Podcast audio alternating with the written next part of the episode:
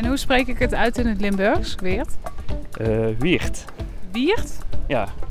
Wiert. Wiert. Ik uh, moet aan het Engels woord uh, van Wiert denken.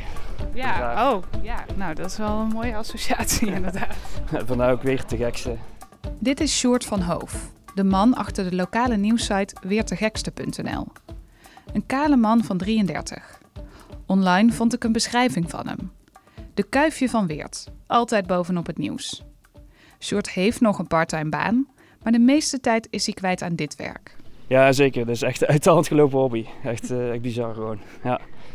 Want ik zag net al, je hebt hier uh, bij je achterzak heb je pieper ook uh, zitten. Ja, dat is een pager inderdaad. En daar krijg je dus, nou, dan gaat hij net af. Ja. Wat gaat er nu? Ja, dat is dus een eindje verder weg. En dan moet dan... Of Sjoerd staat de hele tijd aan.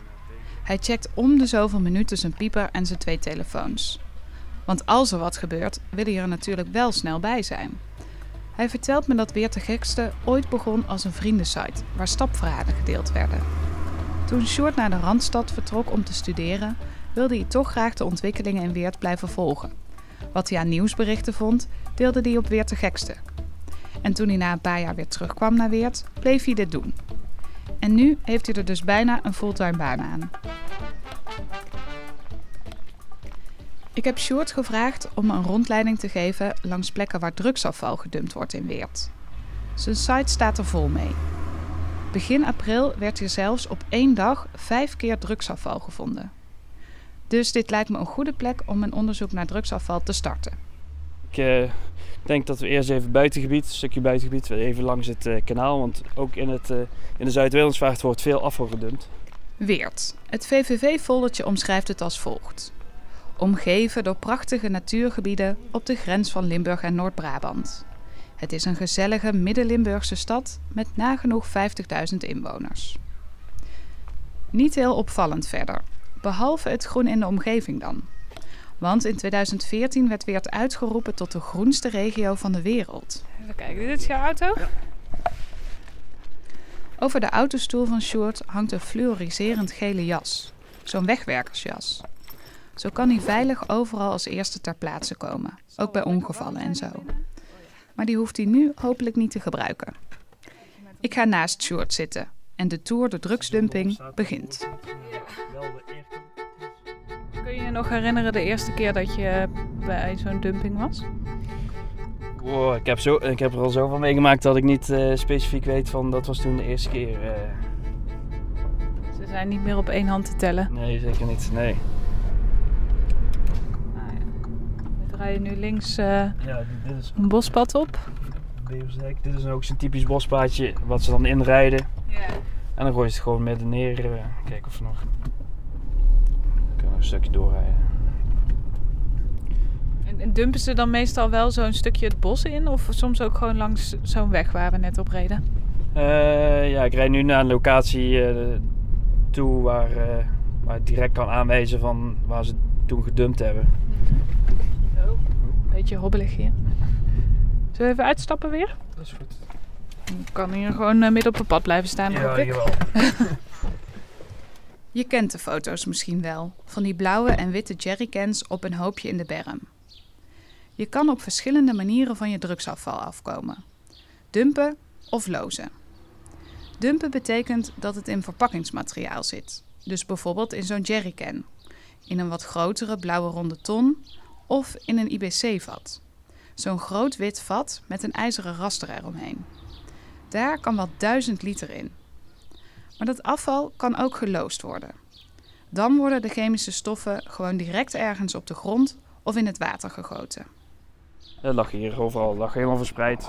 Daar ligt dan een vat en hier, maar meestal ligt dan gewoon hier op het, uh, op het zandpad. Een zandweggetje eigenlijk van een, uh, een, een, verharde weg. Maar die, overdag wordt hij wel druk bereden, maar s'nachts is hier uh, niets uh, te beleven. Je merkt nu ook, je hoort de vogeltjes fluiten zo rustig. Ja. Uit een onderzoek van politie en wetenschap uit 2016 blijkt dat drugsafval vooral in het buitengebied gedumpt wordt. Dus bijvoorbeeld op dit soort bospaadjes of op afgelegen terreinen of weilanden. Dat was in bijna 85% van de gevallen. Maar soms wordt het ook gedaan op een industrieterrein of zelfs in een woonwijk. Ik heb geprobeerd zicht te krijgen op het aantal dumpingen landelijk. Via de politie heb ik cijfers opgevraagd. Daaruit blijkt dat Limburg, waar Weert ligt, en Noord-Brabant de koplopers zijn als het gaat om het aantal drugsafvaldumpingen. Maar ik zie dat het zich ook naar de rest van het land verspreidt. Sowieso is er een flinke stijging. Van 32 gevonden dumpingen van drugsafval in 2010 naar 206 in 2017. Het gebeurt dus zo vaak dat het bijna alledaags is geworden. Daarom zie je het niet meer iedere keer in het nieuws voorbij komen. Ben je benieuwd waar dat nou allemaal is en of het bij jou in de buurt is bijvoorbeeld? Kijk dan nu in de Trace-app, want ik heb een kaartje voor je gemaakt. Maar waar komt die toename nou vandaan? Dit misschien? Alle tieners zeggen ja tegen MDMA. Je meisje is een mot, staat seks met je pa. Geen blad voor mijn mond. Misschien. Maar er is ook wat anders aan de hand. Sinds 2008 is het moeilijker geworden om aan de grondstoffen voor drugs te komen. Dus die grondstoffen worden nu ook in de drugslabs gemaakt. Vroeger zorgde 1 kilo drugs voor 7 kilo afval. Maar door die extra productiestap levert 1 kilo drugs nu minstens 18 kilo drugsafval op. Kan, kan ik u iets vragen of niet? Nee, liever niet? Oké, dan uh, sorry voor het storen. Fijne avond.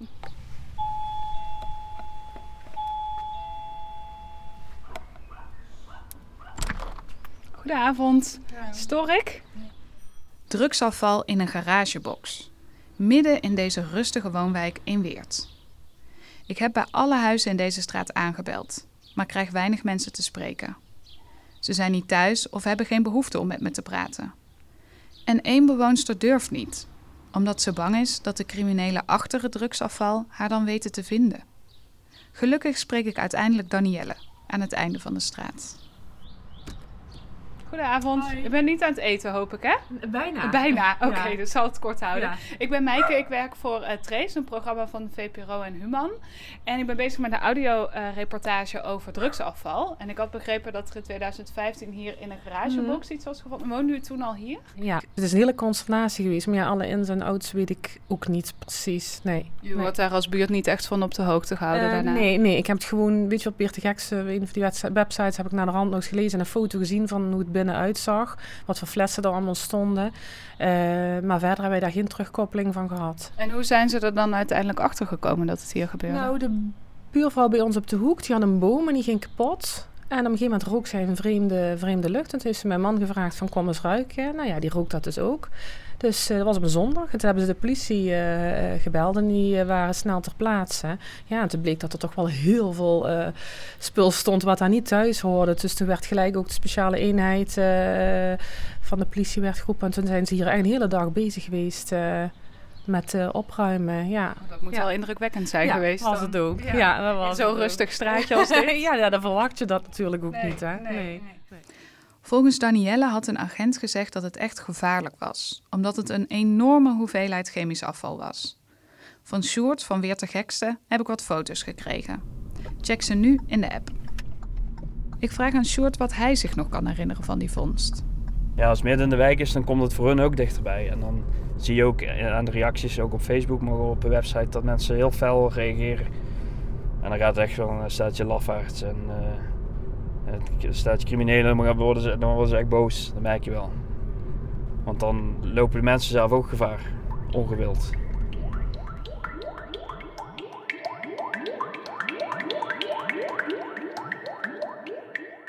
Maar drugsafval, wat is dat nou eigenlijk? Dat is alles wat overblijft na het maken van synthetische drugs. Nederlandse drugsproducenten maken vooral MDMA, de werkzame stof in ecstasypillen, en amfetamine, ook wel speed genoemd. Die drugs worden op verschillende manieren gemaakt, maar er blijven altijd bepaalde stoffen over. En het ruikt niet zoals je misschien denkt.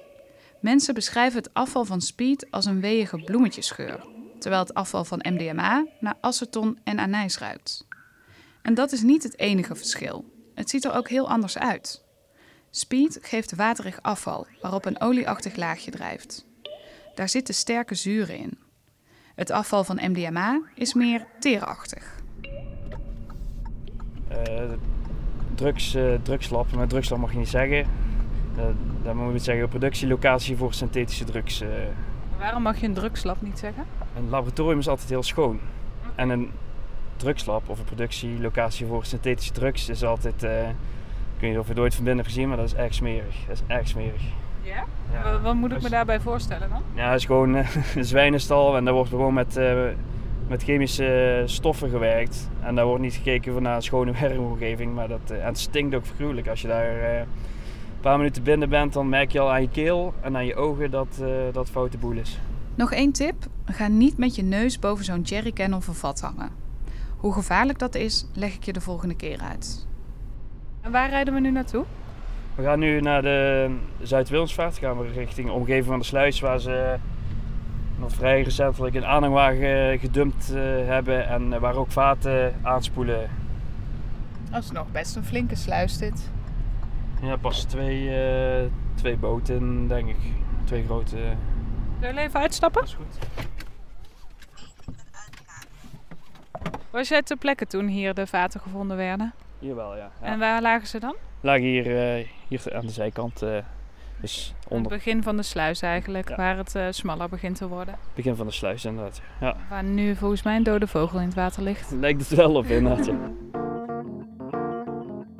Ik um, heb zelf uh, drugsafval als Google Alert ingesteld, al, al een paar jaar. En nou ja, dan zie je ook dat je echt dagelijks meldingen binnenkrijgt. Dit is Yvette Schoenmakers, criminologe. Ze deed in 2016 in opdracht van de politie onderzoek naar drugsafval. Uh, wij hebben cijfers en de cijfers waar wij ons op baseren, dat zijn de cijfers van, uh, van de politie. Die registreren de door hen aangetroffen dumpingen. Um, maar dat is uh, het topje van de ijsberg waarschijnlijk. Of dat is een gedeelte van, van alles wat we zien. Want de politie heeft niet alles geregistreerd of weet niet alles. Um, ja, eigenlijk is de eerste schakel überhaupt dat we het moeten aantreffen. Dus sowieso treffen we niet alle drugsafval wat uh, gedumpt of geloosd wordt, treffen we aan. Vooral de lozingen zien we niet. Dus als het in het water komt, is het moeilijker te zien? Is het moeilijker te zien. Soms wordt het wel gedetecteerd. Hè? Bijvoorbeeld als er vissen doodgaan of als het uh, in de rioolwaterzuiveringsinstallatie terechtkomt. En de metingen die slaan helemaal op tilt. Dan, dan wordt het wel gesignaleerd. Maar ja, de verwachting is dat we dat vaak ook niet zien. Dus dat is eigenlijk stap 1, waar een gedeelte van de drugsafvaldumpingen buiten, ja, buiten beeld blijft. Ik vertel Yvette dat ik de meest recente cijfers bij de politie heb opgevraagd. En daarbij ook de omvang van de dumpingen. Maar de politie wilde of kon me die informatie niet geven. Ik denk dat een hele belangrijke nuance is bij de cijfers. Dus als je niet weet hoeveel liter drugsafval in één dump zit, dat je eigenlijk niet weet hoe groot het probleem is. Dus we kunnen wel zeggen dat het aantal dumpingen dat jaarlijks geregistreerd wordt gestegen is. Maar dan weet je nog helemaal niet of het aantal liters in totaal gestegen is. Je bent in Weert geweest. Um, ik, jij hebt meer informatie waarschijnlijk over die dumpingen die daar zo kort uh, rond één datum plaatsvonden dan ik. Hè, maar zijn dat allemaal kleinere dumpingen bestaande uit jerrycans, dan zou het kunnen zijn dat die uit dezelfde productiebatch komen. Dus eigenlijk bij één productiebatch uh, horen. Nou, je zou ook uh, kunnen aantreffen dat diezelfde batch in hele grote IBC-vaten in een vrachtwagen gedumpt wordt bij elkaar. En dan zouden we dat als één dump registreren, terwijl je er nu vijf hebt. En wat vond je nou dan uh, hiernaar gekeken het meest zorgelijk wat uit jullie onderzoek kwam? Ik denk voor onszelf als onderzoeker het meest zorgelijke dat we zo weinig zicht hebben op de lozingen. Daarmee weten we eigenlijk niet hoe groot het probleem nu echt is, maar we weten ook heel erg weinig over de schadelijkheid daarvan. Um, wat gebeurt er als zo'n lozing um, in een rivier komt of in een stilstaand water? Wat gebeurt het als dat in de bodem terechtkomt? Wat gebeurt er als het in een drinkwaterbeschermingsgebied in de bodem komt, waar wij het grondwater omhoog halen voor onze drinkwaterproductie? Dat, dat weten we niet precies. We weten nu dat er steeds vaker drugsafval gedumpt wordt. Maar wat we weten is waarschijnlijk nog maar het topje van een grote ijsberg. Wat ik me nu vooral afvraag, hoe gevaarlijk is het eigenlijk? Moeten jij en ik ons zorgen maken als het zich steeds verder door het land verspreidt en het niet alleen in de buitengebieden in de provincie gebeurt? Wat zijn de risico's voor mens en milieu? Ik hoor allerlei horrorverhalen. Van honden met weggebrande pootjes omdat ze door plassen drugsafval zijn gelopen, tot mais waarin restanten van dat afval zijn gevonden. Maar wat is er nou van waar? Nou ga ik ook nog met de politie contact opnemen en met de veiligheidsregio om te kijken of ik een kort lijntje kan houden als er iets aan de hand is, dat ze me een seintje geven.